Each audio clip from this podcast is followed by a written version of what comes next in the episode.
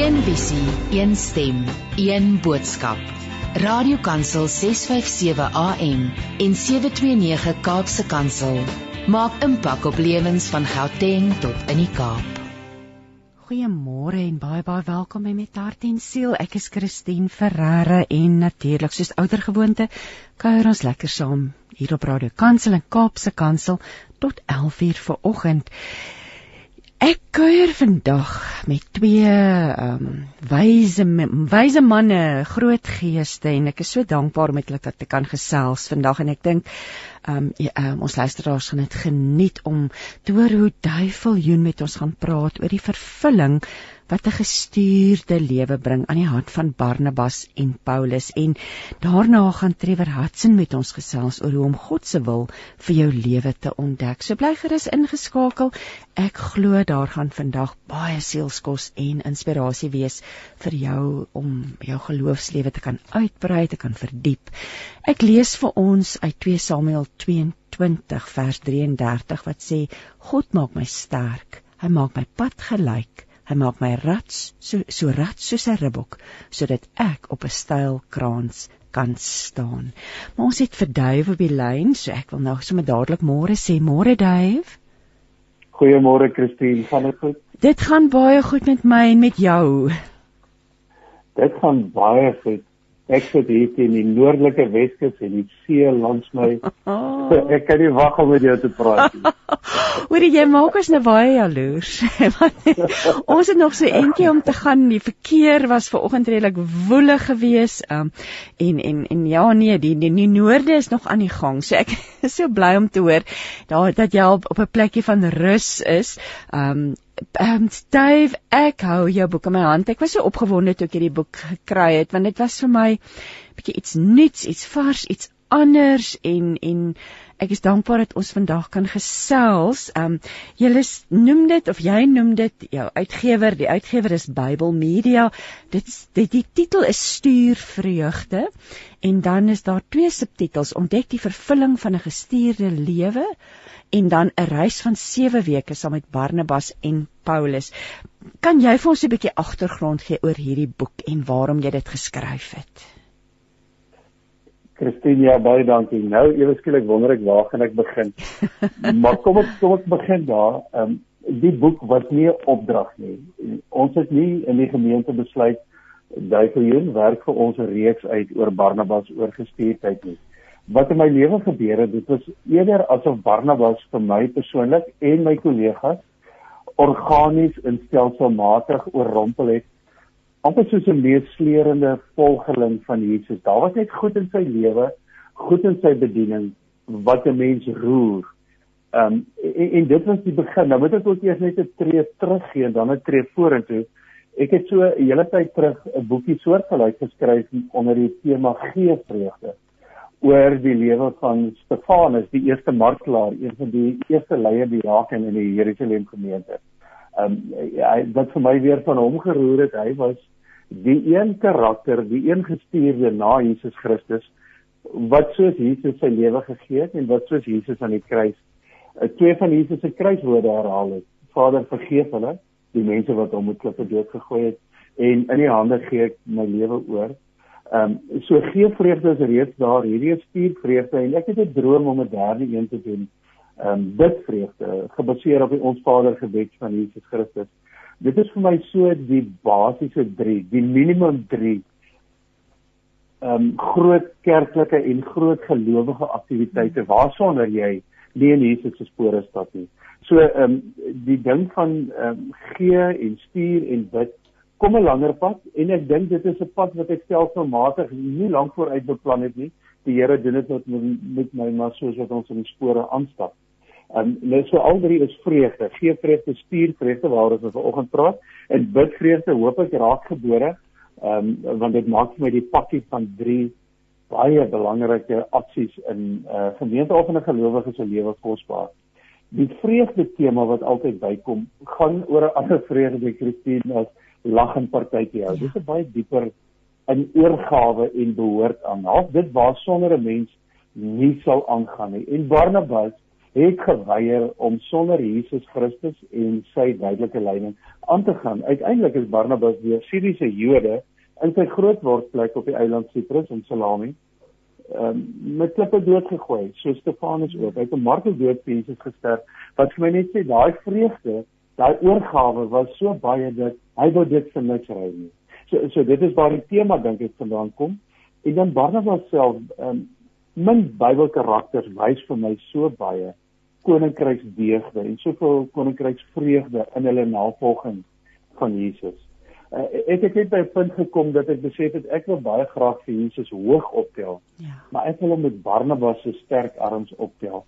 Ehm um, wat jy weet jy Barnabas het dit. Hy hy vat jou saam na Jesus. So as jy bietjie moeite doen en as jy lees en dan lyk dit vir my vir al die mense buite Bybelse bronne lees dat Barnabas 'n baie begaafde mens was. So sy ek wil amper sê sy bandwydte van genadegawes is verstommend. Hy was 'n goeie spreker. Hy was dapper vir Jesus. Hy was onwankelbaar toegewy. Dan was hy 'n sagte versorger. Hy was 'n stuurder en 'n gestuurde. Hy was 'n doener. Hy hy hy het gedien. Sy manier hoe om aan mense se lewens verskille te gemaak het was deur te dien. Hy was 'n sterk leier en dan was hy nog 'n goeie spanmaat ook. Hy was 'n versoener. Hy het byvoorbeeld tussen Paulus en Johannes Markus ehm um, sommer grouwe geskille gehad en hy was in die middel en hy het versoening bewerk en hy was onselfsugtigheid gegee. So Barnabas uh, is vir my hierdie skaars volledige pakket in die Bybel en uh, dit was maar die rede hoekom ek begin lees en skryf het. Dis my so mooi jy praat van sy arsenaal van koninkryks eienskappe wat inspireer. Jy noem dit so in die boek. Dis eintlik wonderlik nê nee, dat daar hierdie Bybelfigure is wat eintlik ja, mens kan nie amper glo wat hulle gedoen het nie en, en soos jy sê hy het uiteindelik 'n gruisame dood gesterf ter wille van sy geloof ter wille van Jesus Christus. So en dan natuurlik wat vir my baie mooi is, ons gaan nou nou praat oor hoe gebruik mense die boek, maar wat jy sê dat die boek dat jy ook hoop dat hierdie boek mense gaan lei om die struikelblokke en al hierdie uitdagings wat ons en die beer te kan miskyk as Jesus ons roep en ons stuur nê. Ons bly maar mens, so ons bly maar vas hak op dit wat ons keer nê. Ek vind ons bly mense en Christus weet jy uh, die werklikheid bly stikkend rondom ons. Ons kan nie in 'n glaskas of in 'n paradys Jesus ja. uitleef op aarde nie. Dit bly stikkende werklikhede en Barnabas het dit vir my so treffend hanteer. Ja. Ek wil nou vir jou vra want hierdie boek is baie interessant. Dit ek het dit ek wil nou nie alles weggee nie. Ek gaan vir jou vra vir ons te vertel, maar kom ons praat 'n bietjie oor wat hierdie boek boonbehalwe die die tema van Barabbas, wat hierdie boek bied en natuurlik hoe die leser veronderstel is om dit te gebruik. Uh, ek kan sien ja, dis natuurlik 'n boek met 'n hooftema en 'n hoofmotief Barnabas se stuurkarakter moet afsmeer op soveel as moontlik mense.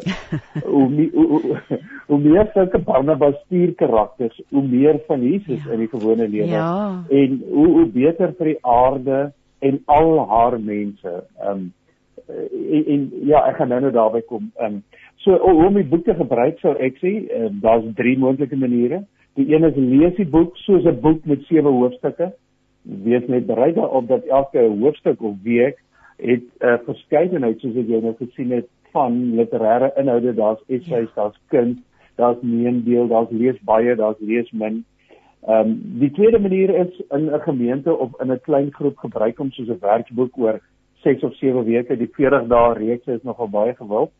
Ehm um, want jy het alles. Iemand in ons gemeente het ons dit gedoen het, dis my gebel en gesê, "Sy wil net so dankie sê daar's min sulke eenstop werkboeke met goeie inhoud wat jy kan gebruik waar daar vir almal ietsie is om te doen vir die kinders en vir die linkerbreine en die regterbreine en die middelbreine en die voor en agterbreine. Vir elke brein uh, is daar ietsie. So gebruik hom as 'n werkboek wat hy gee vir jou genoeg leiding vir almal en jy hoef nie nog 'n leiergids te koop en 'n DVD en 'n wat nie. Um, gebruik net die boek want wat Bible Media nou en dit bring my by die derde moontlike manier gedoen het in Bible Media het 'n aanlyn platform wat hulle Missio noem. Ehm um, en ons het byvoorbeeld in ons gemeente van Missio gebruik gemaak en 'n paar boeke gekoop vir mense wat nog hou daarvan uh, om teks op witpapier te lees.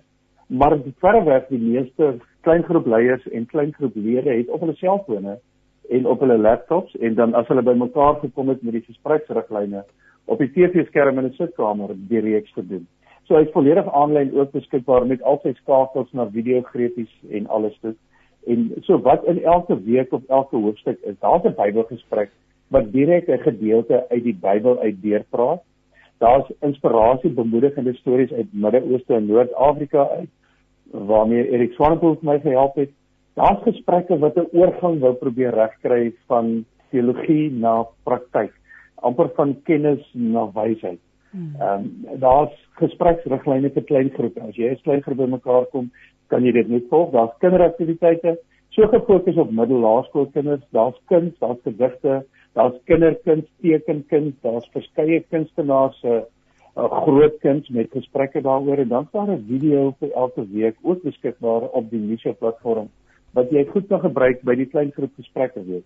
Soos 'n ware 360 grade boek aanbieding, ehm um, lesing les wat sou mens dit noem? Wel daar's ek ek geniet die kuns en en en die dinge wat jy ook ingewerk het en die feit dat jy uh, jy weet uh, um, um, plek maak vir die kinders want ons weet kinders is deel van klein groep en bymekaar kom in in van kerk. So dis vir my oulik ook dat daar dan riglyne is vir kindertyd oor elke elke week se tema en jo, wat 'n lieflike boek. Het, het die kind so is jy het jy liefde vir kuns waar dit vandaan gekom? ek is so bly by gesin hoor nie nou wat jy vra nie. ek ek het 'n liefde en 'n waardering vir kinders, maar ek is absoluut op Bobbejaan met enige vorm van kind. Ehm um, ek is 'n leraar in 'n gemeente so Christine, ek weet waarna soek. So ek het hulp ingeroep by die kindergoed het Susan Johnston ons kinderwerker in die gemeente vir my bietjie oor alles gegaan en dit weer kinders gemaak. Ehm um, ek ek het by Erik ja en dan kyk kinders mos maar aanlyn beskikbaar. So ek weet nie daar's mense wat kind meer as ek waardeer en wat uh inligting graag inneem deur hulle regter uh, breinsentrum eerder as hulle analitiese kant. Maar daar's 'n bietjie analise. So ons het probeer of ek het probeer onder die leiding van die Here vir elke waarde voorkeur iets gee wat met hulle praat. Kom ons praat oor Barnabas self en, en ek wil voordat ons voortgaan net vir ons luisteraars sê kuier asseblief saam stuur gerus 'n WhatsApp 0826572729. Ons hoor graag van jou. Maar uh, en dan wil ek net sê ek gesels nou met Dave Viljoen. Ons gesels oor sy boek Stuur vreugde en ons ontdek saam met hom 'n bietjie meer oor Barnabas en wat Barnabas natuurlik vir ons as gelowiges kan leer en um, ons deur ins, mee inspireer. So ek wil hê uh, Dave, kom ons laat ons so 'n bietjie dieper dieper delf in hierdie dinge uh, waaroor jy skryf. Dit is regtig interessant aangebied en ek dink hierdie boek kan vir mense langer as 7 weke besig hou, dink ek. Um ja. So maar kom ons begin, kom ons jy, jy begin die eerste week, jy deel dit ook natuurlik op in weke, so dit is lekker sinvol gedoen. Jy sê Barnabas was 'n dienskneg leier. So ek wil nou vir jou vra wat beteken dit vir ons as gelowiges?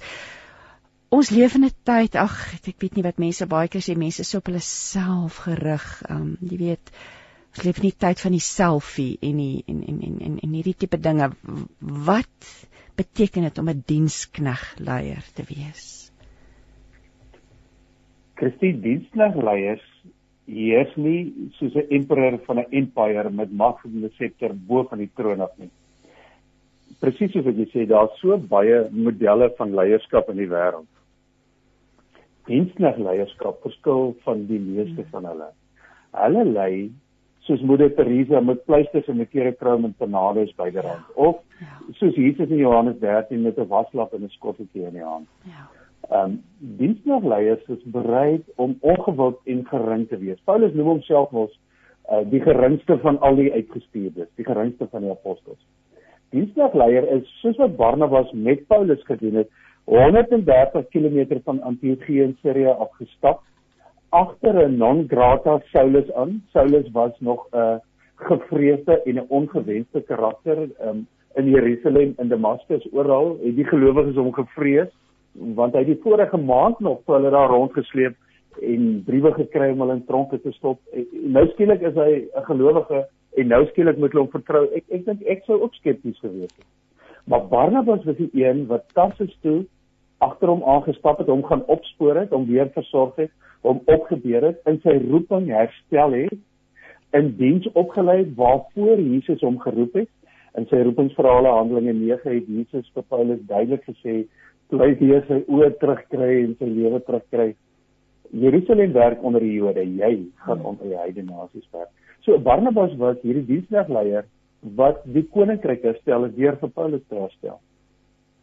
Dis so mooi die gedig. Ek kan myself nou nie help om net so 'n stukkie te lees nie. Dit sê Barnabas het gedien as die titel. Hy kon dien ander bo hom sien, homself min gegeen en elke dag so begin. Vir Paulus opgetel oor hom goeie goed vertel.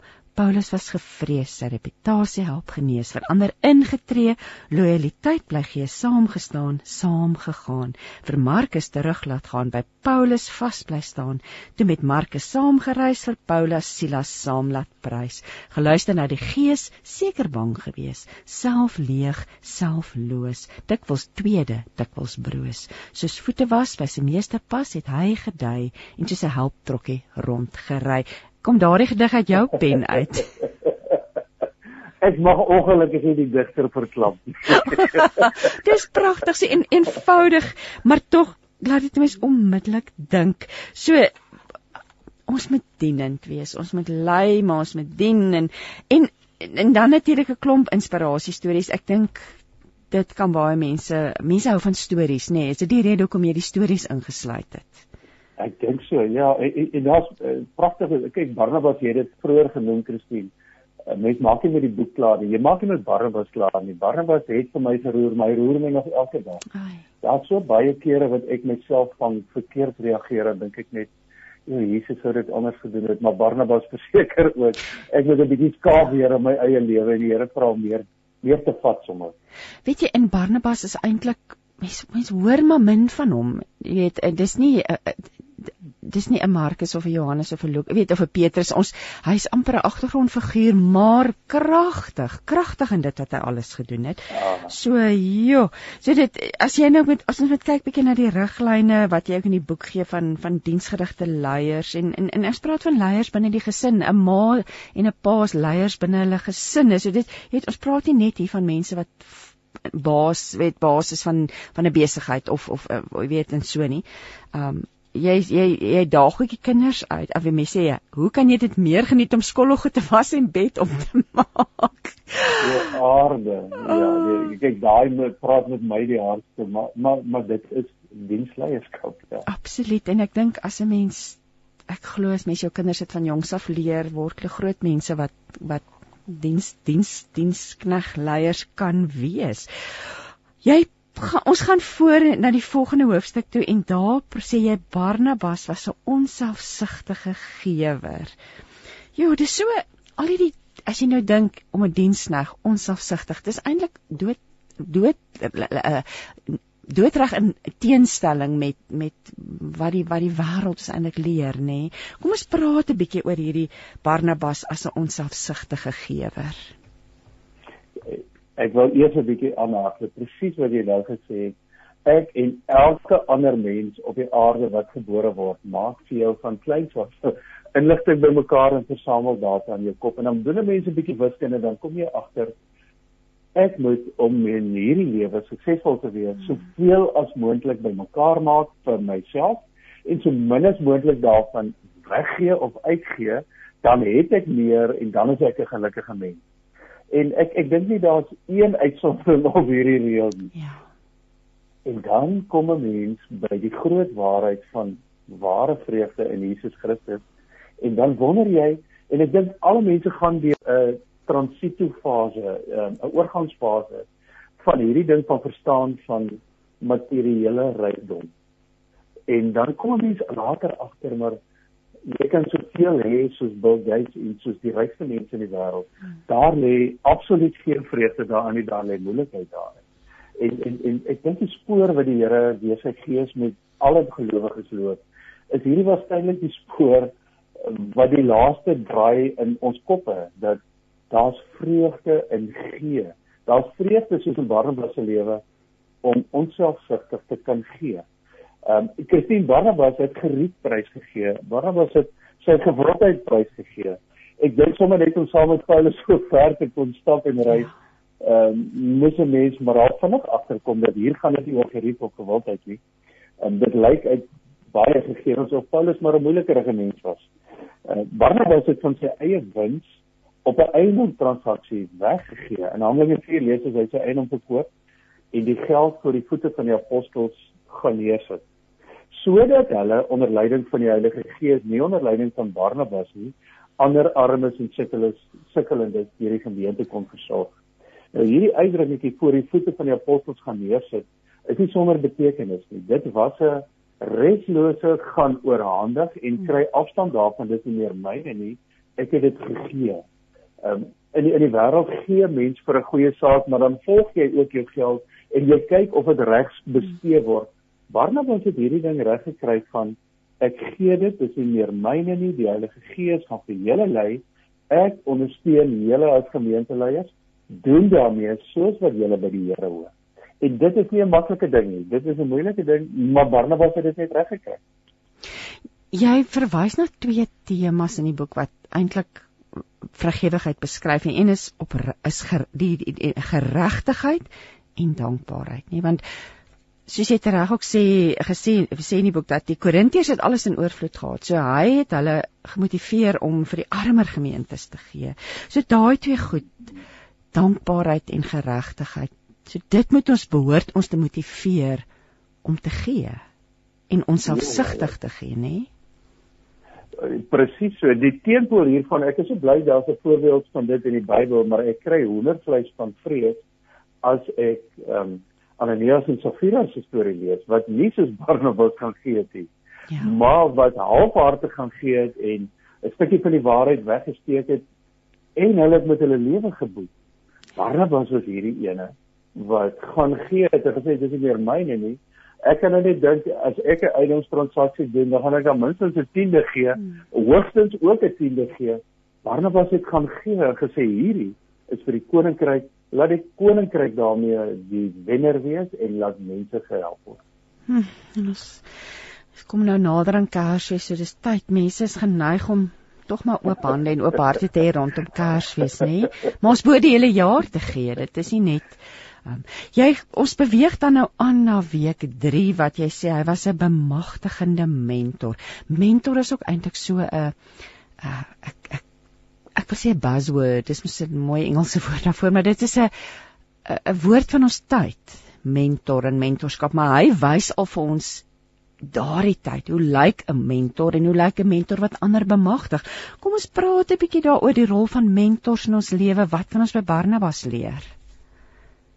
Ja, mentorskap is selfs 'n vakgebied in die ekonomiese en bestuurswetenskappe.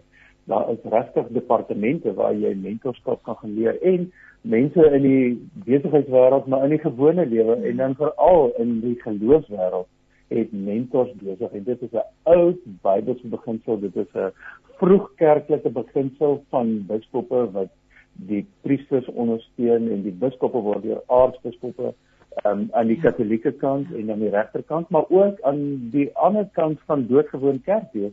Barnabas en Paulus was mentors vir baie gestuurdes, vir baie gelowiges.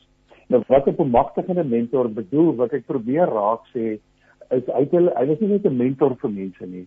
Hy was in sy mentorskap het hy sy studente so bemagtig dat hulle hom verbygegroei het in rolle in die vroeë kerk dat hulle groot nalatenskappe en groot invloedsfere gehad het, groter as wat hy self gehad het. En dit wil gedoen wees. Dit is laas my so baie van Jesus Christus daarin wat mense blootstel en teorie gee en blootstel en los dat hulle self aangaan. Dit Barnabas het vir Paulus en vir Markus, Johannes Markus verby homself gementor. Hy het nie roem op enige nalatenskap vir homself op enige fase gebeure nie. Ons lees byvoorbeeld in Handelinge 15 het Paulus en Barnabas vrygekry. Na Handelinge 15 lees ons nêrens weer in die boek Handelinge van Barnabas nie. Lukas het hom wat Handelinge geskryf het, hom net uitgeskryf en meer op uh, Paulus gefokus. Nêrens wou Barnabas 'n voorblad gesig wees nie. selfs nie eers na sy dood nie. Dis daar was vir hom geen monument, geen gedenknaald, geen verheerlikende skrap mm. grafskrif nie. Niemand was eers seker waar Barnabas begrawe was. Daar's 'n mooi storie Christine as ek dit gou kan deel. Ja, wat jy nou in die boek klaar raak gelees het. Maar hier in die 5de eeu ehm um, het hulle begin soek na Barnabas se graf. Daar's vandag 'n kerkie gebou. En toe die biskop, biskop Antomaag van Salamis, 'n droom gehad waarin hy in die droom die waarheid gekry het watter graf Barnabas in is. En toe gee hy opdrag, opdrag gaan grawe daardie graf oop en kom ons kyk of dit Barnabas is. En hulle het gewonder hoe gaan hulle weet dis Barnabas is.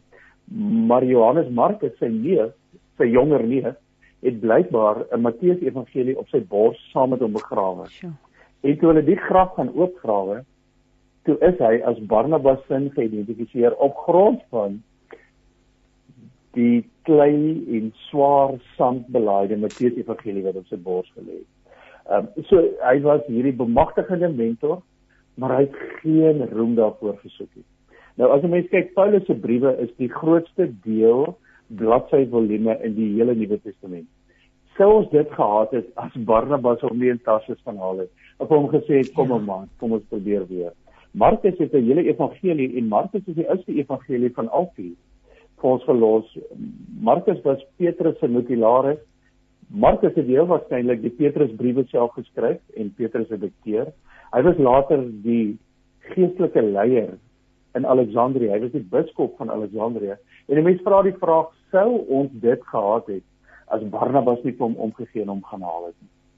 Hier's nou 'n kom 'n uh, uh, uh, WhatsApp van Dries Kreer van Palaborba wat sê ek en Letty is so bevoorreg om 'n vroulike Barnabas in ons kerk te hê. Uh, en ons wil altyd so graag naby haar wees. Is dit nou nie interessant nie, net daar hierdie hierdie persoonlikhede, hierdie mense met hierdie koninkryks karaktereienskappe trek 'n mens nader aan jou, nê? Jy wil eintlik hê hulle moet ja. jou mentors wees. Ja, baie dankie Dries. Jo, dit is kosbaar dat as mense nou kyk hoe Jesus Christus byvoorbeeld by sy opstanding die vrouens teruggebring het om getuies te wees van sy opstanding en hoe vrouens kosbaar is en dat kan mense amper verstaan dat die kerk so lank gevat het ja. om die rol van almal net te kan erken en ek is baie bly Prys die Here vir die dag. Dit daar is absoluut. Kom ons beweeg aan. Oog, ons het nog so 'n paar ehm um, deel dinge om oor te gesels en ek wil graag hê ons moet darm alles dek. Jy hy was 'n medeleier en 'n spanlid. So weer eens, jy hy lyk klink van nou so 'n nederige mens dan met ander woorde. Ja. Barnabas was aanvanklik Paulus se mentor. Mense nou dink uh, Paulus het vir Barnabas gementor en gaan haal en opgelei, maar die teenoorgestelde is eintlik waar. Barnabas het vir Paulus gaan haal. Barnabas het vir Paulus opgelei. Op hulle reise het hy vir Paulus leiding laat neem en dan het hy Barnabas self in die ondersteuningsrol ingeskryf. En so het hulle gereeld gewissel en dit is baie baie betekenisvol in Jerusalem en op die eiland Cyprus waar Barnabas groot geword het, het Barnabas leiding geneem. In Klein-Asië, Paulus is 'n Romeinse burger van Tarsus in Klein-Asië, het Paulus weer leiding geneem vir al die sinagoges toe gegaan het en as hulle met leiers in aanraking gekom het. So hulle het gereeld hulle leiersrolle gewissel in Handelinge 13 op hulle eerste reis het Johannes Markus wat saam met hulle gereis het gesê maar hy wil nie meer verder saam reis nie en Barnabas het hom gesê maar leef gaan terug Jerusalem toe 100%. In Handelinge 15 weer wou Paulus nie op hulle tweede reis gaan nie want Johannes Markus mag nie saam reis nie. Hy het hulle in die steek gelaat. Toe het Barnabas gesê maar ons kan nie so werk nie. Dan ry ek nie saam met jou nie dan gaan ek en Markus vir Cyprus besoek en hulle het dit so gedoen. En hy het 'n versoeningsrol gespeel tussen Paulus en Markus want hulle het mekaar later weer gekry, hulle was saam in die tronk en hierso aan die einde van sy lewe in Timoteus se brief het Barnabas laat weet, bring vir Markus my kosbare vriend, ek kan nie sonder hom my laaste reis onderneem nie. So um, ek sou regtig graag saam met hom in 'n span wou wees want binne gevegte is iets wat so deel is van hierdie lewe soos hierdie seewater wat ek hier sien. Weet jy, ek kan nou nie ons kan by hom leer. Jy weet hoe het dit hoe het hy vir Barnabas, hoe het hy vir Markus hanteer, hoe het hy vir Paulus hanteer, hoe het hy die saad hanteer, hoe het hy vir albei bly kies en niemand gelos nie, albei koninkryk se reuse gebly. Ek moet nou verwys na hierdie baie interessante skets. Die luisteraars gaan nou nie die sketsie sien nie, maar dis 'n klomp mense wat 'n resies hardloop, maar die wenner is eintlik agter. En dan daag jy ja. die leser uit om te sê, is daar dinge in Jesus se koninkryk wat vir die wêreld agterste voor hom is? Ja. Ja. Ja. So iemand wat nie die teks het gelees, ek net die prentjie. ja. Vertel ons 'n bietjie meer. So hierdie hierdie ja, so deur agter se agter te staan maak jou eintlik 'n wenner, nê. Nee. Nie voor jou nee, maar ja. vir die koninkryk is dit die reël. Ja. Staan terug, staan terug vir die ander ene. Draai die ander wang op ons ken nie, ons ken nie, ons ken nie woord. Um, ja. So hy was 'n voorbeeld daar daarvan gewees en um, ja, teruggestaan vir die ander. En nou soos jy sê die binnengevegte, mense wil nou nie politiek praat nie met al hierdie koalisie koalisies wat toe oomblik in ons uh, plaaslike regering aan die gang is, dink ek moet ons ons moet ons bid bid vir dat daar Barnabas leiers sal opstaan nê om om ja. mense saam te trek. Ja, dit sal politiek op sy kop keer, dit ja, mag politiek. Absoluut, maar ek sê ons ons gaan nie politiek praat nie. Ek wil nou aangaan na die volgende hoofstuk waar jy sê hy was 'n omgee reus. Oeg, hierdie man is net bewonderenswaardig. Christine sy naam as jy in Handelinge 4 lees, beteken die naam Barnabas seun van bemoediging. Barjona seun van Jona Barnabas, eintlik seun van profeet, maar Lukas het geskryf hy seun van bemoediging. So sy ja. naam sê, want dit is sy bynaam. Sy naam is eintlik Josef, hulle het hom Josef Elifiek genoem toe hy van Siprus af aangekom het en toe het hulle hom sy Josef naam heeltemal weggegooi en hom Barnabas begin noem. So dit moes bekend gewees het dat hy 'n bemoediger, 'n omgee mens is ehm um, kort na Paulus se bekering en nadat hy omgeswaai het en Christen gelowige en leier en die roeping van die Here gekry het, was twee goed nogal baie belangrik. Hy's nie vertrou nie nie in Jerusalem nie, die ongelowiges nie en hulle was nog bang vir hom. Dit staan so in Handelinge. En raai wat, Barnabas het toe vir Paulus onder sy klerk gaan neem voordat hy hom in Tarsus gaan haal het. Dit was die tweede ronde van versorging. Hierdie was nog tussen Damaskus en Jerusalem en in Jerusalem. Paulus het hom onder sy klerk geneem om beskerm na die apostels en die gelowiges toe geneem sy integriteit, die egtheid van sy kristendom verdedig en gesê moenie hierdie man vrees nie wat by Damaskus gebeur het kom van die Here af, kom ons help hom.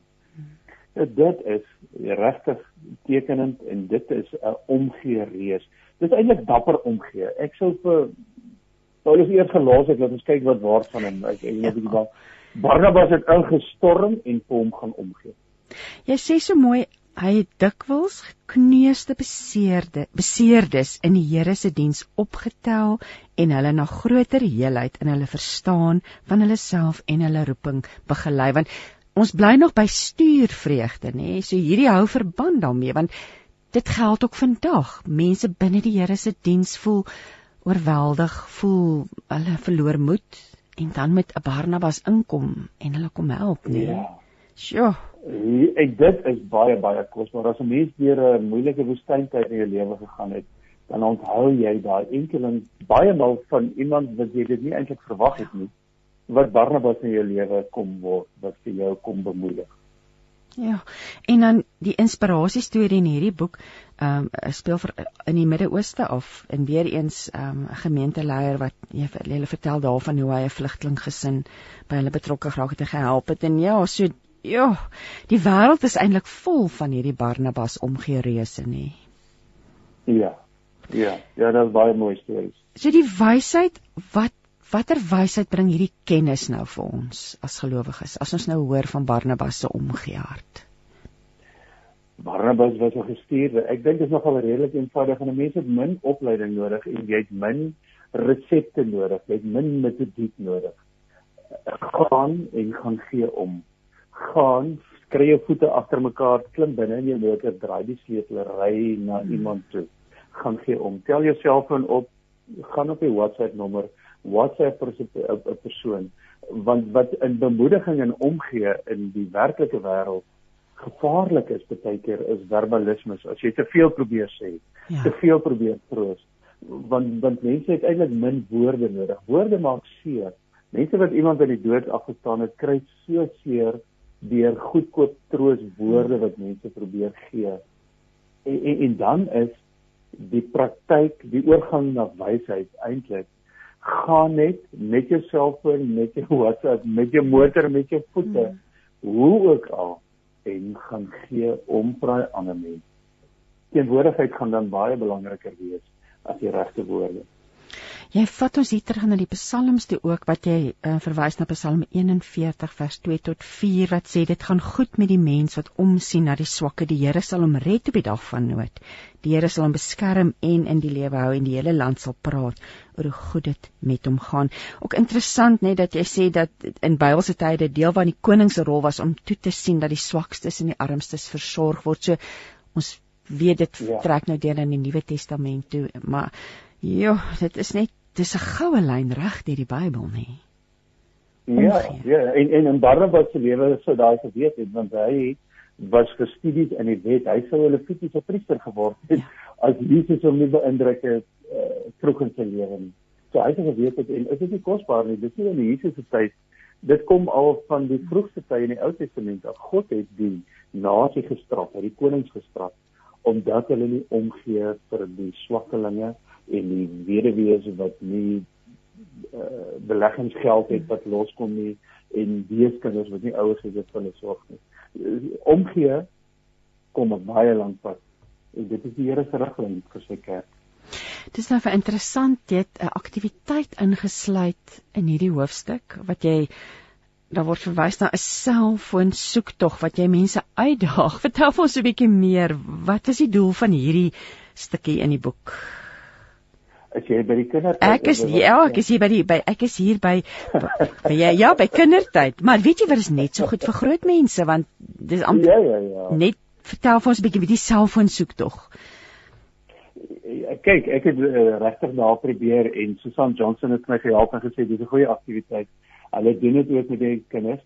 Die selfoon soek tog as jy Google soek tog doen op jou ja. selfoon, dan is dit 'n uh, ek wil amper sê 'n resente, dit is 'n uh, in ons tyd se ding om te doen. Hmm. So gebruik jou selfoon vir die koninkryk en kyk um, na 'n barmhartigheidsorganisasie op jou selfoon op Google waar verstaan hulle wat soek hulle wat is nodig want ons leef mos nou in ons is nie meer ons is nou in die as ek die Engels mag gebruik in 'n screen age. Ja. So ons probeer die screen gebruik binne die koninkryk van die Here. Dit is nie sonde nie, dis nodig, dis noodsaaklik. En nou na Covid tyd, ek meen ons is almal op screen sondag um, en ons woon een of ander erediens by. Ehm um, as as jy nie eer uh, erediens kan by nie. So die soektog was maar net om die tyd waarna ons leef te gebruik vir die waardes van die Bybel. Maar is interessant hoe jy die vraag wat jy vra, byvoorbeeld, hoeveel mense woon in Ruiterwag in Kaapstad? Hoeveel praat Afrikaans of praat Engels? Ehm um, interessante goed. Hoeveel Christene woon in Kenia? Ehm um, watter provinsie is Sotolele in Suid-Afrika gelees? Ek het interessant, is daar 'n hospitaal. So mense verbreed dan in die kinders se wêreld om hulle te wys, maar daar's soveel plek om te kan omgee, nê. Met iets wat hulle elke dag mee besig is, ja. tieners veral en wel laerskoolkinders ook. Ehm um, het 'n selfoon by hulle en hulle kan as jy vir hulle iets vra, kan hulle onmiddellik vir jou kyk en daai webtuistes waarvan jy nou gepraat het, ek het dit mos nou self besoek so in die, en hulle gee as jy oopmaak op die bladsy die sommer die getalle en die hospitaal se naam ja. en wat daar aangaan. So ek het maar net ons uh, wêreld van 2022 en 2021 by die omgee karakter van Barnabas uh, dat hulle trou met mekaar. Kom ons beweeg aan. Ons het nog so twee afdelings om om oor te gesels. Barnabas was 'n gestuurde wat lig gereis het. Vertel ons meer daaroor. Christine, praat ek te lank met ek vinniger? Nee, jy praat glad nie te lank nie, jy praat perfek. Dis absoluut interessant en heerlik om om te luister na jou daai want jy duidelik 'n passie vir hierdie man en sy werk en en mense kan hoor mense kan sommer jou passie hoor vir dit. So 'n gestuurde wat lig gereis het. Wat beteken dit? Barnabas is op twee plekke deur groot gemeentes aangewys deur die Here om gestuur te word. Terwyl hulle nog in Jerusalem was in die Jerusalem gemeente, het hulle gehoor na Stefanus se dood, na sy marteling, dat die gelowiges die wêreld ingespat het. Dat hulle eintlik gevlug het, maar hulle het met Jesus in hulle harte gevlug. So in uh, in in Sirië se Antiochië, daar was meer as een Antiochië in Ou Klein-Asië, maar die een in in, in Sirië het hulle gehoor maar daar's 'n herlewing. Daar's baie mense en daar's 'n groot klomp gelowiges. Hulle moet iemand stuur wat die gemeente leiding daar kan gaan neem. En raai op wie val die Here se leiding? Barnabas. Daar gaan hy Jerusalem toe. Ja. Toe kom hy in Antiochië aan en hier besef hulle maar die Here roep nou vir hulle deur hulle deur die Heilige Gees Hulle moet mense stuur om in Klein-Asië ook die evangelie van Jesus te gaan versprei. En hulle bid en raai wie wys die Here vir hulle aan? Barnabas en Paulus. En daar gaan hulle Siprus te eers waar Barnabas groot geword het in Klein-Asië te nader na Tarsus, Paulus se wêreld toe. Nou as 'n mens 'n klein bietjie wiskunde doen, as daar geroepe gestuur moes geword het, is Barnabas gestuur. Hy het sy eiendom verkoop en die geld vir die kerk gegee so. Dit is maklike wiskunde. Hy was koninkryk rats 2 Samuel 2 wat jy nie uh, wat jy nie begin gelees het, sê maak my rats. Barnabas was koninkryk rats. Hy was stuurbaar, hy was beweeglik. Hy het nie swaar vrag gehad nie, nie fisies nie. Hy moes nie rugsakke en treinkrokke vol goed aanry nie, maar was emosioneel ook lig want hy het persoonlikheidsrolle in almal se lewe gespeel. En dit is 'n stuurbare gelowige. Dis my jy verwys ook natuurlik na Sint Francis van Assisi Franciscus van Assisi wat ook dis meer 'n wel meer ja. nader verder op in die geskiedenis, maar presies dieselfde nê. Hy het 'n ryk familie groot geword, maar het 'n lewe van eenvoud gekies nê. Ja, en 'n bedelaarslewe aangeneem. Ja. En uh, hulle eerste orde toe hulle toestemming gekry het by die kerk was die bedelmonnike. Hulle bynaam was die bedelmonnike. Ja, baie goeie voorbeeld. Die laaste week sê jy vir ons Barnabas was 'n onstuitbare doener van geloof. Dit is nou waarlik iets om na te streef, nê? Nee. As 'n mens vir Barnabas Christine 'n GPS trekker kon opsit, soos wat voertuie met 'n trekker en dan kan jy hom volg, of soos rugby spelers speel met sulke trekkers en dan na die tyd kan jy afrigte sien hier oral het hy gehardloop op die veld, hy het soveel meters afgelê en soveel kilometers dalk nou al. As 'n mens vir Barnabas so 'n GPS trekker sou opsit, sou dit 'n besige non-stop spoorgrafieke gewys het. Ehm um, as as ek nou sy spoor kan probeer vat die bietjie wat ek van hom weet, as hy uit Siprus uit gekom het, luister nou na sy roete in sy lewe. Van Siprus af Jerusalem toe, daar's 'n buitebybelse getuienis wat sê dat hy saam met Jesus gereis en saam met Jesus opgelei en eh, die 72 uitgestuur is van Galilea af op pad Jerusalem toe. So ek vermoed hy was by Galilea ook saam met Jesus terug Jerusalem toe, Antiochië toe in Sirië, Tarsus toe vir Paulus van al terug Antiochië toe op hulle eerste reis, Paphos toe op die Siprus eiland, eh, Klein Asië toe Perge, Pisidië, Ikonium, Lystra, Derbe, terug Antiochië toe weer Pamfilië Jerusalem toe saam met Paulus oor Venesië, die Galate provinsies en Samaria, weer in Jerusalem terug Antiochië toe, weer na Siprus toe saam met Markus op hulle tweede reis. Nou daarvan af lees ons nou ongelukkig min van sy reise wat Lukas het hom uitgeskryf, maar dit was voor die tyd van Uber en Pijo en Volkswagen. Ja. So ek ek dink ons kan met vrymoedigheid sê vir die Here was hy nie 'n kamer patat nie. Ja, dit's eintlik as jy dit so opnoem, staan 'n mens eintlik verstom nie. Dit maak dit so 'n ander tipe werklikheid. En soos jy sê, hulle dit was te voet. Dit was op 'n skuite. Dit was, jy weet, dit nêrens vreeslik welkom nie. En ja, Paulus is daar ja. buite uh Lystra amper dood gegooi. Hulle het gedog hy's dood, maar hy het opgestaan. En, ja. Ehm um, sy kilometers vir die Here was doen kilometers. Jo, jy sluit af en jy noem dit groot woorde. Ek dink dis amper die ja, amper die laaste deel van die boek wat jy net weer sê uh, wat Jakobus geskryf het in vers 1 Jakobus 1 vers 22 julle moet doen wat die woord sê en dit nie net aanhoor nie anders bedrieg julle julleself.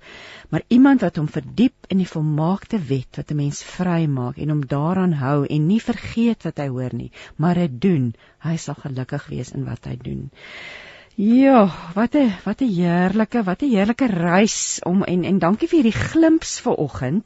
Ek wil nou vir jou vra Dave, ehm um, waar kan luisteraars hierdie boek in die hande kry? Bible Media in Wellington, Christine Bible Media in Wellington het vriendelike al die aanlyn platforms. So mense kan op enige manier by hulle inkom. Hulle het katalogusse nogal mooi gekategoriseer of dit vir tieners of kinders of watter vakgebied dit is ehm um, of dit reeds so is.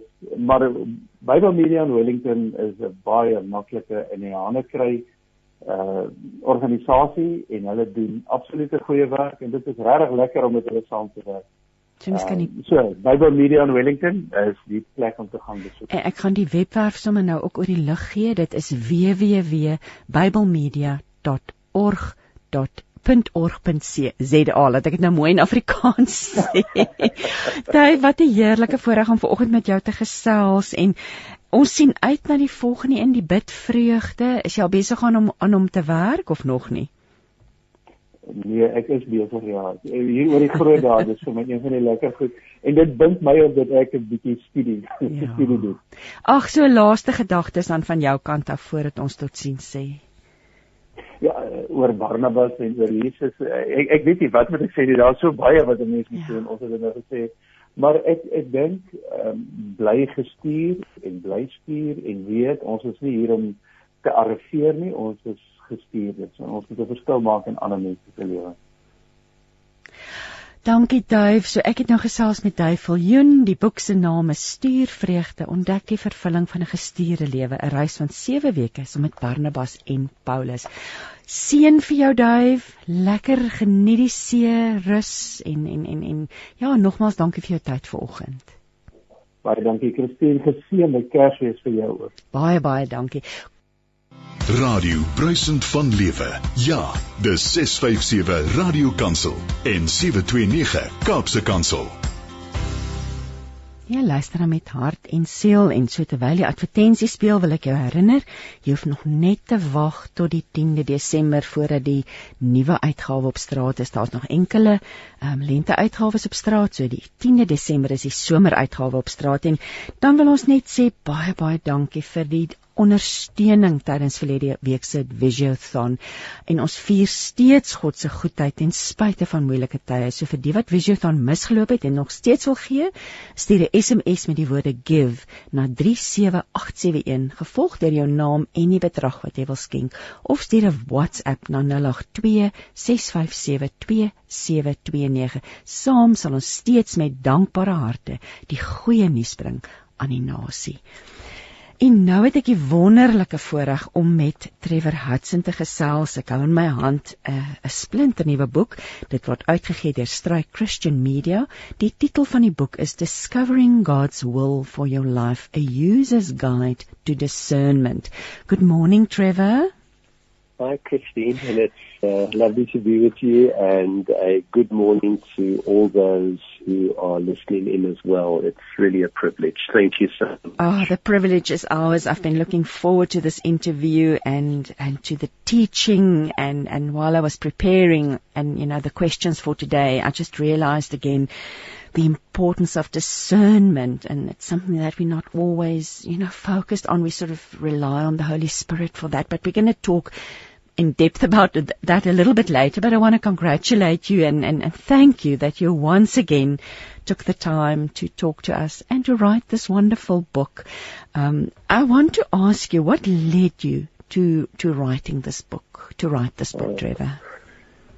Uh, two or three things, uh, Christine. You know, I think ever since uh, you know my mind goes back uh, to the very first moment I uh, gave my life to Christ as a as a teenager, and um, I think almost you know from from the moment onwards, I really really wanted uh, to discover uh, God's way for my life. Uh, so. I think it's been it's well it has been a question that I that has accompanied me uh, th- you know throughout my life um, and now, as I enter into my 70s uh, again, I'm wondering, Lord, you know, um, how are you wanting me to live in this particular season of my life? So it's it's a, it's been a personal uh, question, and that's the one reason I wrote the book. Another reason is that you know, as a pastor, I don't. I, I don't know how many times I have been with people uh, and this question uh, comes up. Uh, people really wrestling you know, within their everyday realities, I wonder how God wants me to move forward in this particular situation, whatever the situation may be. And that was the second reason I wrote. And the third reason I, uh, I think the book emerged was I, did, I just did a few, um, a few talks on, on the subject. Um, and then as I was doing them, I thought to myself, why don't I just, you know, take these talks work on them a little bit more, and perhaps there could be a book. And in the end, there was, and so I'm grateful. That awareness, I think, is, a, is, a, is something that a lot of us can relate to, especially in this, these times of change and so many people are changing direction or changing jobs or sure, you know sure. we've we've almost been put at a place where we need to we need to re look at our lives and, and, and what better way to do it by asking God, what is the way forward for me, you know? Sure, and it, it I, I, suppose it, it comes with a little bit of a discomfort of where you're sure. at at the moment. Is that not true? That you feel it's time? sure. You know, and I think, I think what's, I think what is a particular challenge, Christine, for us is that I think uh, because we are all human beings, we tend to look for God's way in our life when we hit a crisis. And then if things are all going okay, it's not, it's not a question so much on the radar screen. And I think that makes it difficult. It almost needs to become a way of life yeah. so that, you know, so that when we do hit very difficult, very painful moments, uh, it's discernment and discerning how God is wanting to lead us is kind of just part and parcel of our daily lives, a natural part of our everyday walk. I think it's when we reserve this question only for critical moments. Mm. Um, I think we, I think it's, um, I think it just becomes a little bit more problematic. Uh, I really think, I, for myself, I'm speaking for myself, I find it really important to, to live daily, um, whether I'm in a critical situation or not, um, just to live daily, um, responsive to how God may be leading and guiding me through the day. You've got a few, you say you have three hopes for this book, hoped for outcomes. Don't you want to share that with us, please? And then also maybe a little bit on how to use this particular book. Sure, sure. You know, um, I think num- the, the, the, the number one outcome, I think for myself, is I, really hope to communicate to the reader a sense that each that each one of us, and this is a biblical phrase, you know, it occurs so many times in the Bible, that each one of us is called by name. And, you know, so often, you know, we say it's only the, you know, the kind of celebrities or the big shots or the people who talk on big stages who have callings or ministers or pastors. And I, and for me, I, I, I think I've spent my whole life really, as a pastor, wanting to encourage every uh, Christ follower to to believe deeply that that God knows them, that God loves them, that God is calling them. You know, that each one of us is called by name. So I think that's the number one hoped for outcome.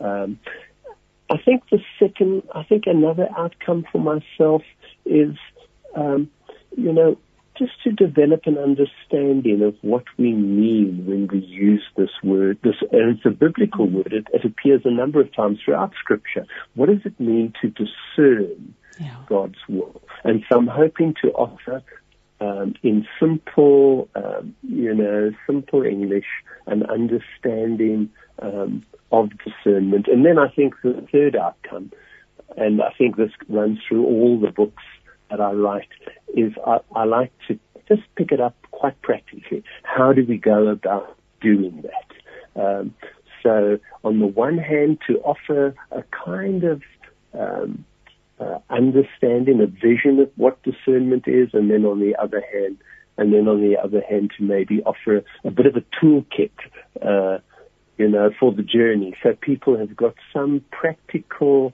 practical ways in which they can engage the journey of uh, of discernment. I think how best to mm. to read. I think that was your other question. Yes. Uh, how best to use the book. You know, I, I always, I think it's always helpful to um, to be in conversation with another person or a group of people, so that you know, so that we can go on a journey together. I always think Jesus sent out his disciples two by two, and uh, I, I think he wanted them to go out two by two at least so that they can they could have conversations about what they were doing and uh, mm. you know share their experiences. So uh, obviously, you know, if anyone picks up the book, I hope it can be helpful. But I think if you really were to push me, I hope I hope I hope that readers would have at least one other person, because throughout the book, you know, um, uh, throughout the book, there are little invitations to to do something, uh, and not just to read. And uh, and sometimes it's good to have someone else who's also doing the same things, and then we can talk about how it went. The discernment exercises they described as in the book. But Trevor, you know this the whole thing about God's will, isn't it some something that we sometimes just almost loosely, we almost loosely use the word as dit die Here se is. It's it's sure. you know and then you start immediately start off by saying let's talk about God's personal will because that's where we right. need to start. Right. Sure. Right. Yeah. Thank you for that uh, uh, question because you, I think what you're doing is you're inviting me to, and, and I'm glad you are, just just to reflect a little bit on a phrase that we often use. Yeah. And, it, and, and as you know, whenever we use a particularly a Christian phrase again and again and again, it, we, it, we can become either on the one hand too familiar with it, yeah. uh, and it, and it, it becomes a little bit of a cliche, uh, and that's always unhelpful.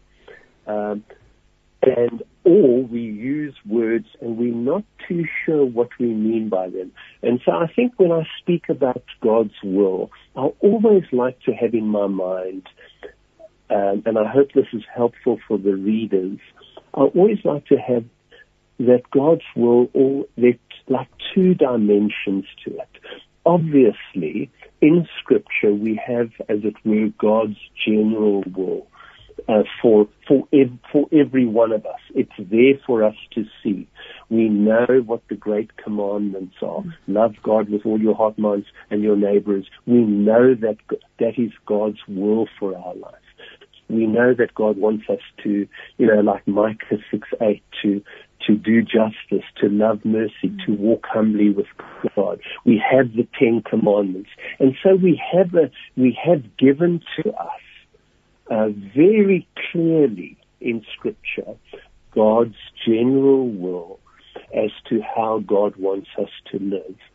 Now, the one other dimension I think is so important is how, how is all this to find expression in my own particular life? Yeah. How am I called to love? How am I called perhaps to do justice? So that's where we move into the area of God's personal will. And also, there are so many areas which the Bible doesn't cover. So I, I sit yesterday with a person who's really wrestling with the question of a job change. Now, the Bible doesn't specifically cover the the the the, the subject of a job change. So what yeah. this what this man you know what this man was wrestling with is how does he interpret God's general will within this particular situation of now facing a job change, which is also going to involve a change of uh, location in terms of where he lives. It's going to affect his children. It's going to affect uh, the person he's married to. And so he's dealing with all these particulars, you know, all these partic- these specifics. And really, because he wants to be faithful to God, he's wrestling with uh, with God's um, with God's way for his life in a very particular situation. And that is what I mean when I talk about discerning God's personal will for our life. And I hope that's helpful for your reader. Just to, just to hold those two dimensions uh, of God's will uh, in terms of our lives. God's general will, which is, which is very, uh, clearly expressed in Scripture, and then God's personal will that we need to discern as to how we take what is general and how it works out in the personal situations of our lives. Discernment is complicated. It's it's not you know you need to it's no. is it not? I mean you lead us to the place it's not complicated but you have to be sure. in a, in a Trevor, I mean, you've written that whole uh, chapter on that, well, the whole book is on that, but you need to be in a place where you can actually recognize sure. yeah, thank what. You. Thank you. Yeah, it, that's what I mean by saying you have to be still. You have to be no. tuned into God in order to discern. You sure. can't rely on your own strength. For sure. Sure. Yeah. No, thank, thank you for, for underlining that. I think that, you know, if we're going to talk about God's personal will for our life, there's, there's a certain assumption, and the assumption is that I'm in a daily interactive relationship with God already. I have, I've offered my life to Christ and I'm doing that on a daily basis. And I think that, that, that, that in order to begin to discern God's personal way for my life, I think it is so important for us to be in a in a kind of working relationship with God that is operating on a day by day by day basis. And so I do talk about the importance of, and I use the word aligning, of just aligning our heart with God's heart uh, on, a, on a daily basis. You know, one of the most important verses of discernment is found in Romans chapter 12 uh, verses 1 and 2.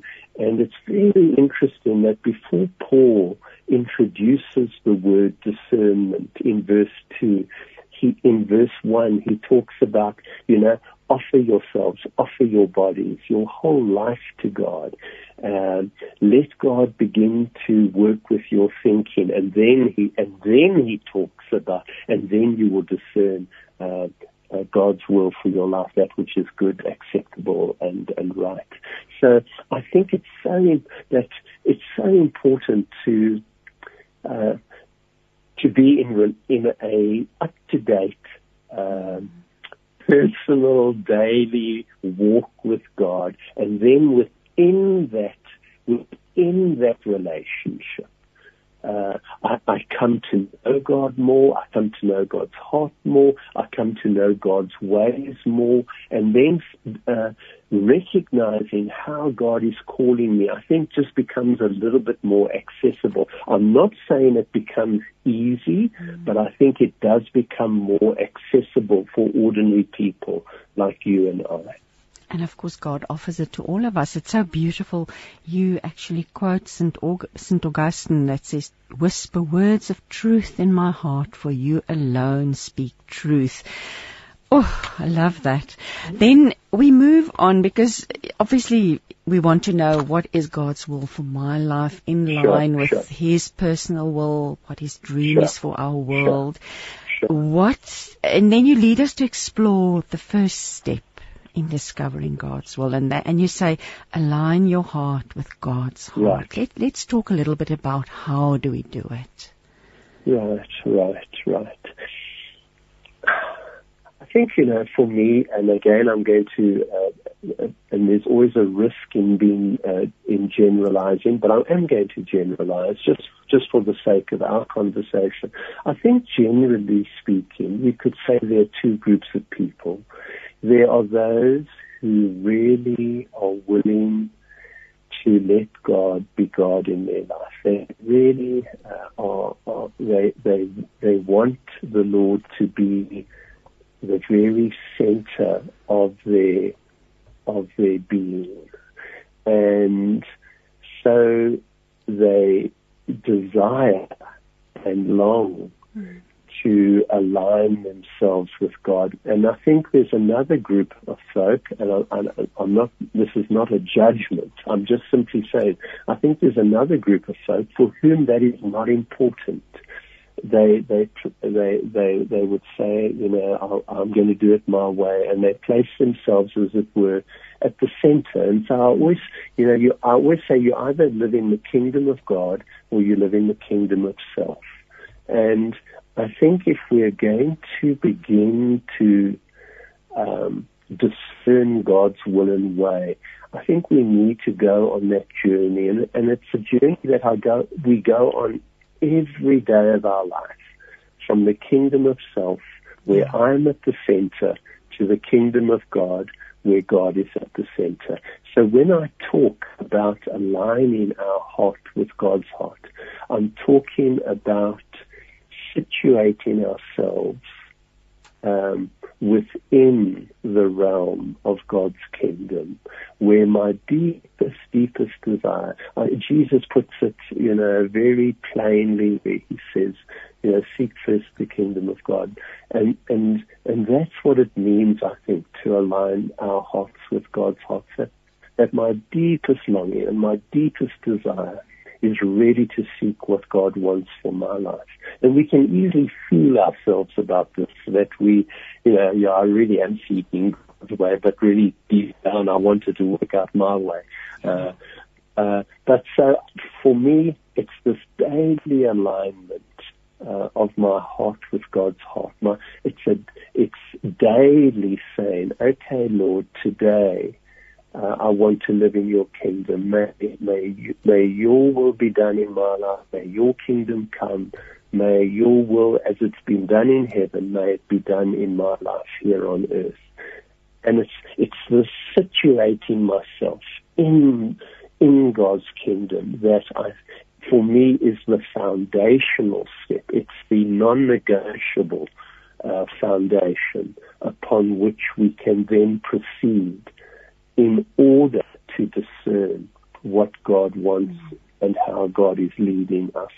Um, we need to be in we need to be in a relationship with the good shepherd who goes ahead of us. You also refer to our picture of God and the importance of that. Right, sure. You know, I, this has been my hobby horse, and I think every people who know me well know know that it's my hobby horse that I'm only going to, um, how do I say this? I'm, I'm only going to give myself to God unreservedly if I know deep down mm. that I am unconditionally loved by God in Jesus Christ and that God wants the very best for my life if I have a picture of God, an understanding of God, that God is out to uh, spoil my life or to, um, you know, is out to get me, and if I put one step out of line, that's the end. If that's my, if that is my operational picture of God, I won't get too close to God. Um, I really won't. It's only when I'm, I have a profound assurance that in Christ I am loved, accepted, forgiven by God in Christ, that, and that nothing can stop God loving me. Nothing. Then that, that evokes from me, from my own heart, a surrender of love to God because I know, I know that the God that I've met in Christ, as it were, is for me.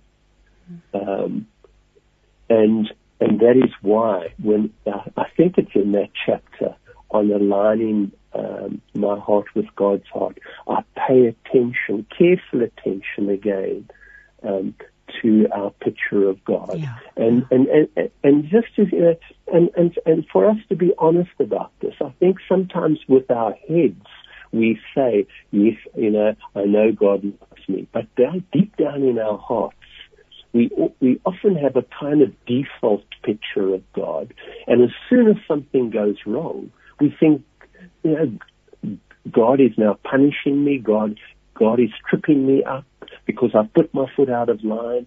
Um, and so deep down, even though in our heads we may say and and confess that I am loved by God. Sometimes, you know, we have a deep, deep picture in our heart which has been formed by our upbringing, uh, by the authority figures in our lives, by some of the sermons we've heard. Um, that that if we don't if we don't stay in line, uh, God will stop loving us. Uh, and and I think we need to be honest about some of those pictures of God that that that lurk around very deeply in us. I do love the fact that you remind us also in the book that we actually have to repeatedly hear this invitation to surrender daily. That, well, like you said, sometimes with the one foot in the koninkryk, the, you know, in God's kingdom, the other sure. foot in our, uh, the, uh, the, the, the kingdom of self. So sure. it's a daily surrendering exercise almost and just reminding ourselves. And it's so interesting at the end of that chapter on aligning our hearts with God's heart. You've got a very interesting discernment exercise. Um, would you mind telling our readers about that? With the okay. Oh yes, I think. Uh, otherwise, I can read it because no, I'm. No, no, I, no. I, I think I think I can. It's where you know. I, I just find it so helpful. I don't know about yourself, Christine. I find it so helpful to, um, you know, just when I pray to, uh, you know, it's like the Psalms always say, you know, use your lips and your yes. ears and yes. your hands. Yes. Um, so I sometimes, you know, I just sit with, with, with God sometimes and my palms, I sit with open palms and, and then I place, I, and I use, I place in my, in the, in my hands those things that maybe are keeping me from surrendering myself to God. And whatever it is, and I don't judge myself for them. So it may be, a, I may be very worried about something, I may be fearful, I may be, I may not have a lot of trust. So whatever I think is blocking me, I place in the palms of my hands, and then I just turn them over and I do this almost symbolically. And it's a kind of, for me, it's like, uh, how do I put this? It's like releasing them. I'm, I'm, I'm kind of releasing, releasing them in order to move into a deeper surrender maybe or a deeper yielding of my own life to God. And I, I find I need to do that again and again and again. Um, and it just, I think, I hope, I hope, I hope, keeps my heart uh, supple. It, I hope it keeps it tender and um, responsive uh, to the Lord. Um, and that it doesn't become stony and hard and inflexible. But what a um, lovely, it's something you can do anywhere and, and, nobody will know what you're busy doing even in public. But what a lovely thing to turn it around, let it go, right. and then, you know, turn it back up again. So no, that you're sure. open to receive whatever, sure. you know, you right. Say, God oh, is, right. Let's move on. Oh, this is such a, such a actually expansive topic and, but such a, an important topic and to discern God's will in my life. In order to do that, um, obviously we've spoken about that intense personal relationship that has to be renewed daily. But now you also talk about listening to God in Scripture. Um, in, in, in, and the role that that plays in right, a life of discernment. Right. right. You know, um, let me talk for myself. I think for a long, long time in my relationship or my friendship with God, I kind of I did much more talking than listening. and uh, sounds so familiar. You know, and uh, and I think you know it slowly began to dawn on me that if you're going to have a good relationship with anyone, human or divine, mm. um, there needs to be a balance between talking and listening. So for me, the word listen over the years has become so, so important. And, and, and I think it was only, and this is a confession, Christine, I think it was only about 10 years ago that I realized that the very first word in the Great Commandment you know, Deuteronomy 6 4, uh, hear, O Israel, listen, O Israel, oh. the Lord your God is. The very first yes. word in that, in that commandment is the word Shema. Listen, hear.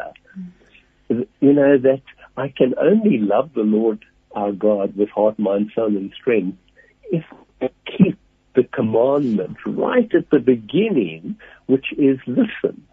Hmm. And so, and so listening has become really, really important. And then obviously the next question is, you know, the people say to me, Trevor, you know, what do you, what do you mean? I've never heard God speak to me in, in an audible. When you say listen to God, what do you mean, Trevor? And, um, and, and, and that is a very important question. And, and for me, and, and we can talk for ages and, and and we won't, and I won't. But I think the beginning point of my listening relationship to God is to listen to God in Scripture. Mm. I, I think that I, that I think I say in the book that you know this is the foundation for our listening relationship to God. It keeps my listening to God safe. That I need, my listening relationship needs to begin and end with scripture. And, and it's been the testimony of Christ followers throughout the ages, throughout the ages, that when we, that when we, uh, how do I put this, when, that when we come to God with an open, listening heart, God has a way of speaking to our hearts through Scripture. And so I'm sure so many of, um, the, of the folk um, of listening can witness to that. You know, when we're reading Scripture and there's a word or a phrase or a sentence, you know, that really stands out for us, and we have a sense uh, that you know that God God is speaking to us. Like just the other day, I was reading the Psalms, and there was a line in, in one of the Psalms, and I've never really seen it before. It said, "Lord, give light to our eyes," and it just touched me so deeply, and I had a sense of the. I just had a sense through Scripture of the Lord saying to me, Trevor, you know, I just want to I want to give you better eyesight. I want to give light in your eyes so that when you look at people, when you look at creation, when you look at what's going on in the country, you're able to see more clearly. Um, and that's what I mean. That so often, that as we uh, learn to dwell in Scripture on a regular, regular basis, God has a way of speaking to us right now, in the here and now, through the words uh, of Scripture. And, I, and, and that is why I, I, I really do believe that this is the kind of uh, touchstone uh, for our listening to God. You know, God does not only speak to us through Scripture. Uh, the Bible's clear about that. There are so many other ways in which God speaks to us, and we could list them. But but what keeps my listening safe is to to develop a listening relationship with God that is rooted in Scripture, and then that helps me to recognize a little bit more clearly how God is speaking to me, maybe uh, through creation or through a person or through an event in my life or through a dream or whatever.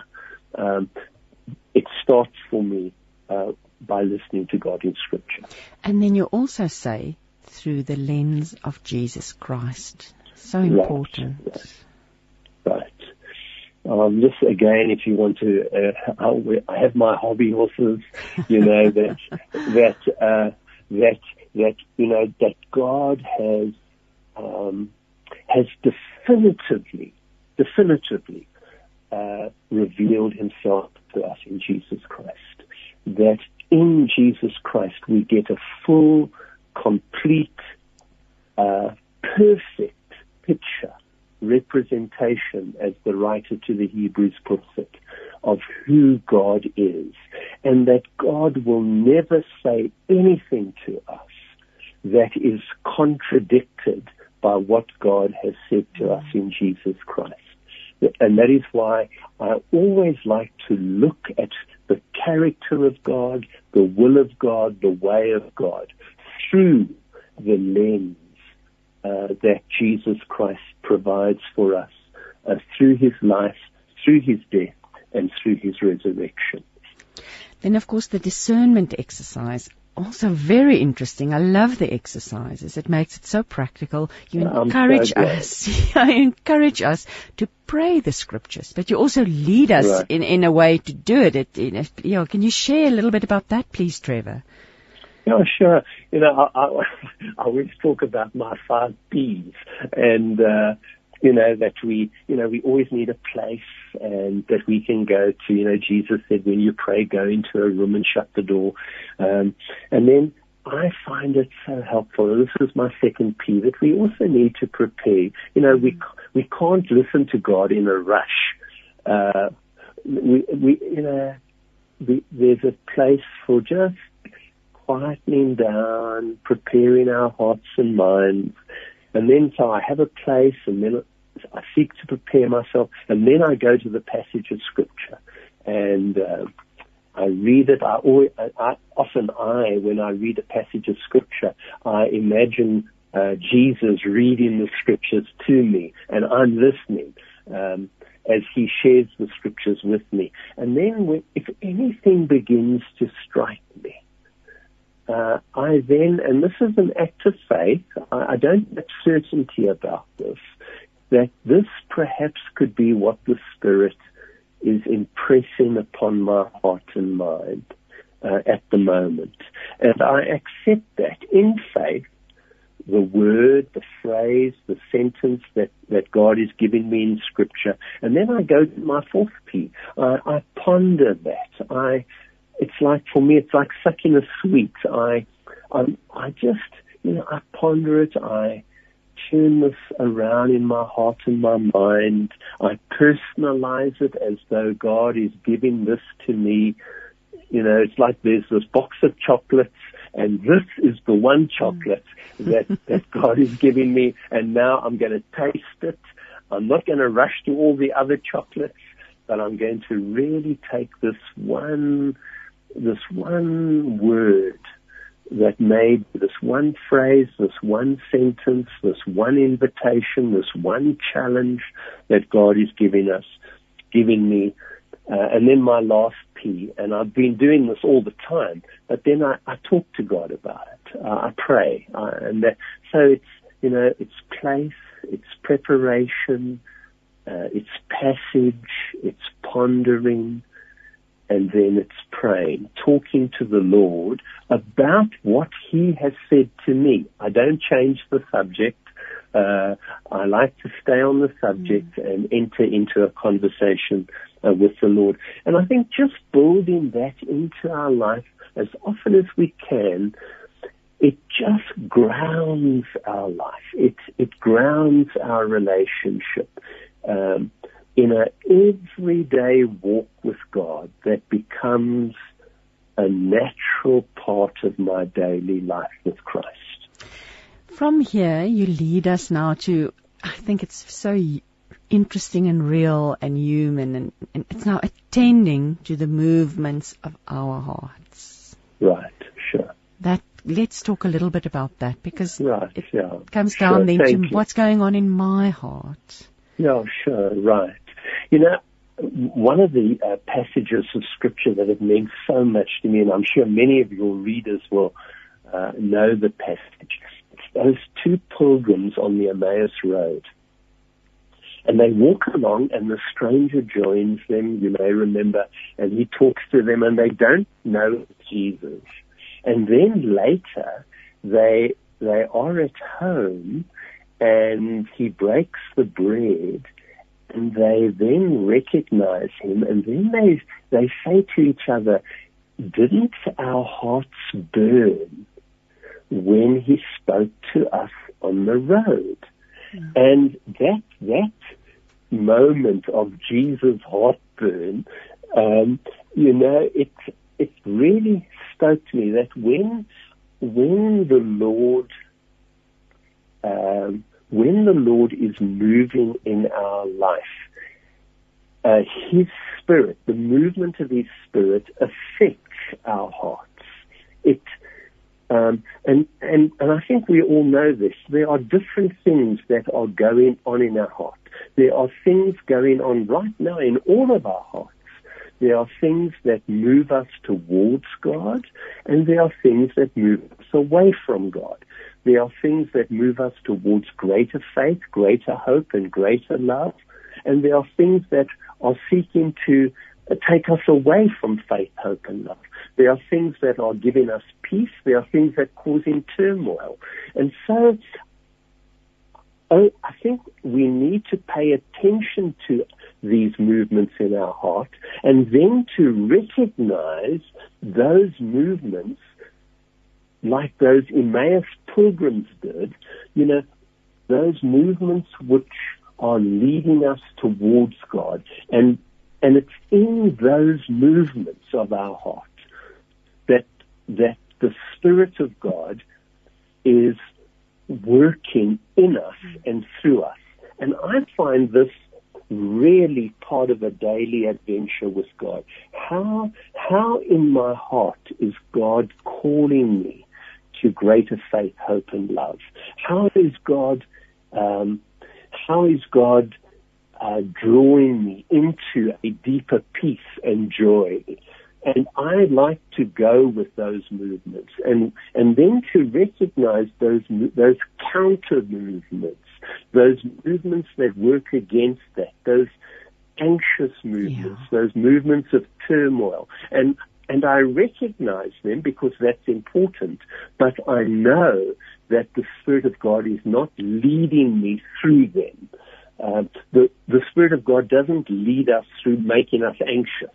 Mm-hmm. The Lord, the Spirit of God leads us. Colossians 3, 3.15. Let, let um, uh, be guided in all your decisions by the peace that God gives not by the anxiety that yeah. God gives. God, you know what I mean? So it's recognizing those movements in our heart that are, that are prompted by the Spirit of God. And I know that we're on tricky ground here. And this is why I find it really helpful always to be in conversation uh, with fellow Christ followers that I can talk about what I'm experiencing. And they can say to me, Trevor, I think, I think you had too much blue cheese last night. and, uh, uh, I think that you need yeah. to, you need to, you need to relook at what you're thinking. Yeah. And I think we need each other because we can fool ourselves. Uh, but for me, the bottom line always is that God will not lead us in any way that contradicts what God has already shown us uh, in Jesus Christ and through the scriptures. I find it interesting you refer to it as um, move the inner movements of spiritual desolation. Right. In right, contrast right. to spiritual consolation. Right. Right. And I think I think that distinction for me is a very important distinction. And it comes to, I, I haven't, that's not my uh, good thinking. I've learned that from our own tradition uh, as Christians that, that the Spirit of God moves in movements of consolation. Um, and, and, and, and by consolation, I mean any movement in our heart. And we all have them that draw us towards um, I like to say more faith, more hope, more love for God, more love for the neighbor.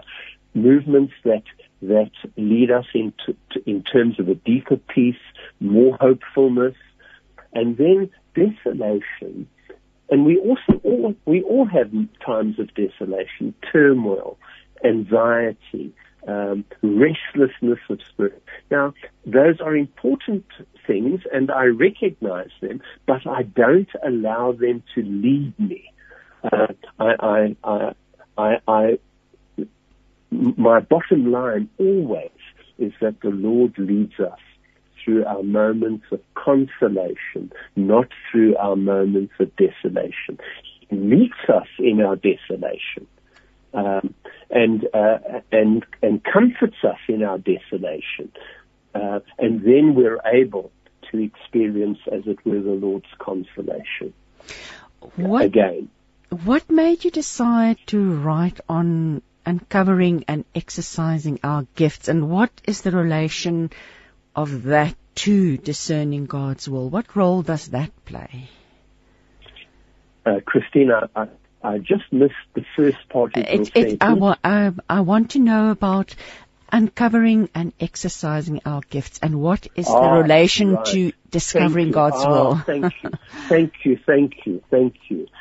You know, you know the psalmist has a beautiful psalm, and you know it so well that we, that each one of us, um, each one of us has been knitted together in our mother's womb by God. So there's a sense, a deep sense in which God has knitted us together. And I always like to say God doesn't put those knitting needles down. God is still knitting us together and giving us life. And each one of us, each one of us, um, we have a different thumbprint.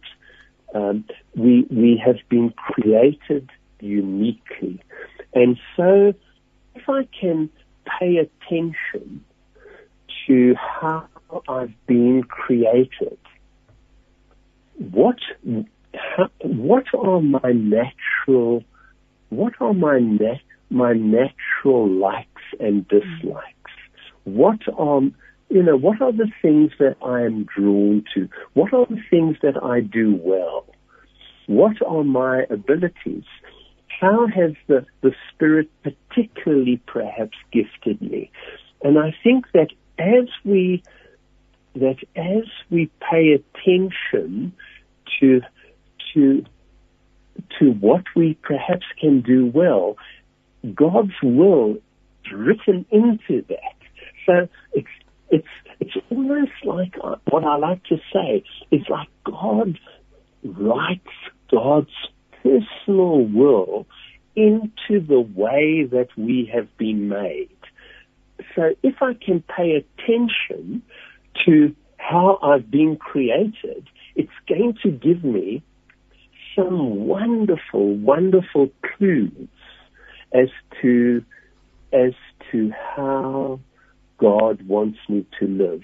God wants me to uncover those gifts that God has planted in my life.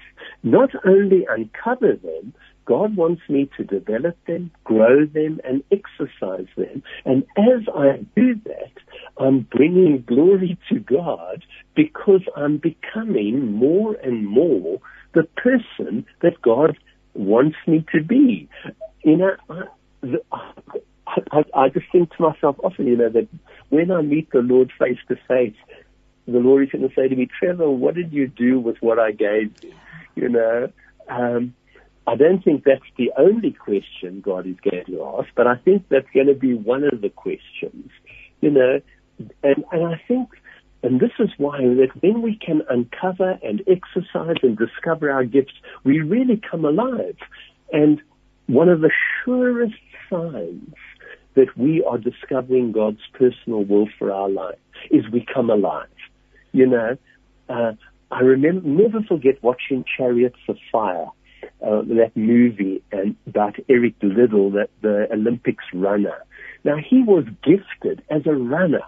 And he has that lovely sentence, you know, when he says, when I run, I feel God's pleasure.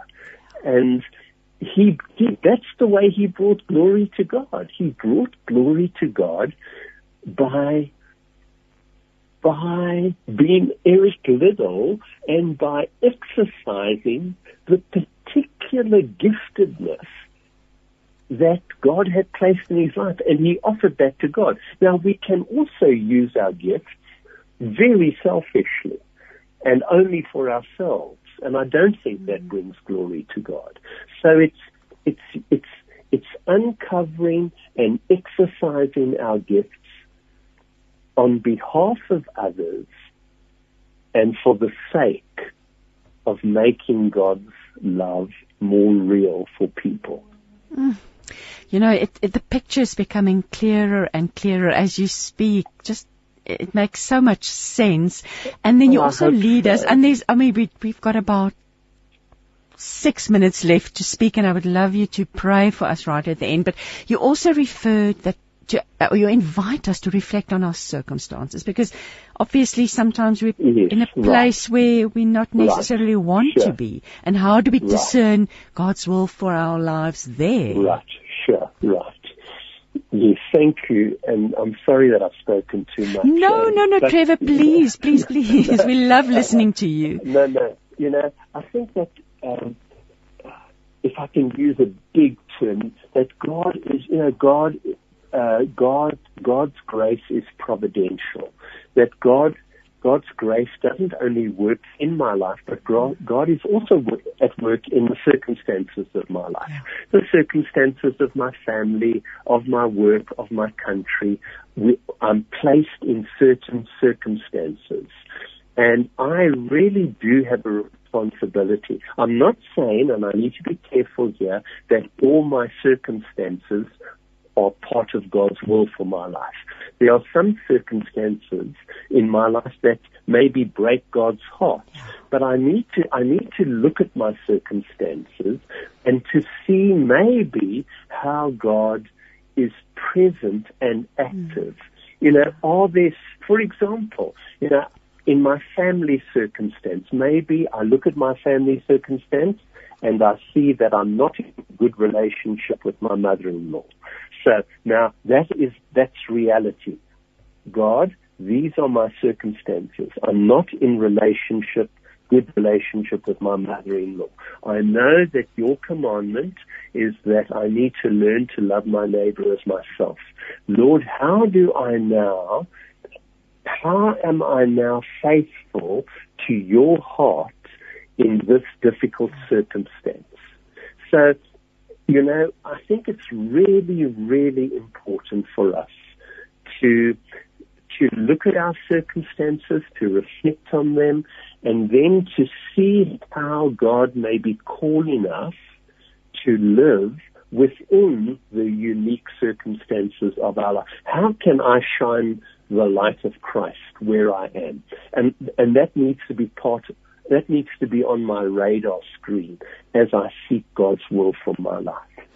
And then a very important, and it sort of almost refers to the conversation you had with a person about changing jobs, making Yes. faithful decisions. That's now the crux because what do you do with all this knowledge and, and, and when you have to make your decisions about Sure. things? Right. And I do give a whole chapter to that. You know, it's no good me just discerning, discerning, discerning, discerning, because I know people who discern and discern and discern and never make a decision because they're scared of making a mistake. And I, while I understand that, I think it is important that our discernment leads to a decision. And I need to take responsibility for that decision.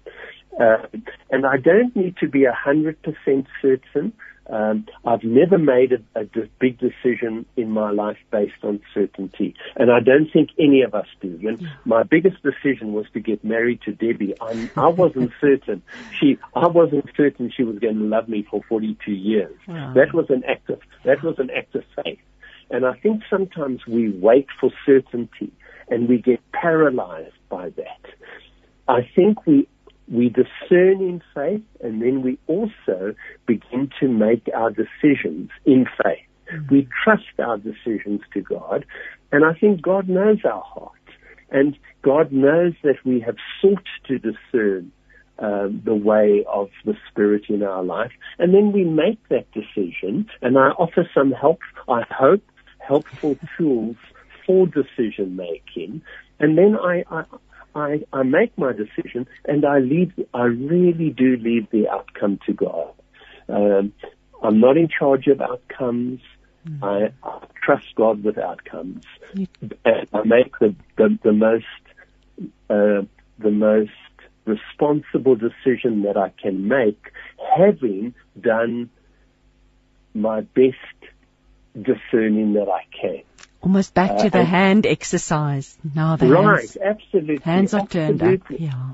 Absolutely, Christine. Trevor, may I ask you to please close for us in prayer? I think um, that would be absolutely wonderful. Thank you, thank you, thank you. Lord, I, I just thank you for this opportunity for, uh, to chat with Christine. I thank you for the work she does every day, and I thank you for every person who's listening. Um, I know that you call each person by name, each listener by name, and I simply pray that each person listening now will know that they are loved by you, known by you, and called by you.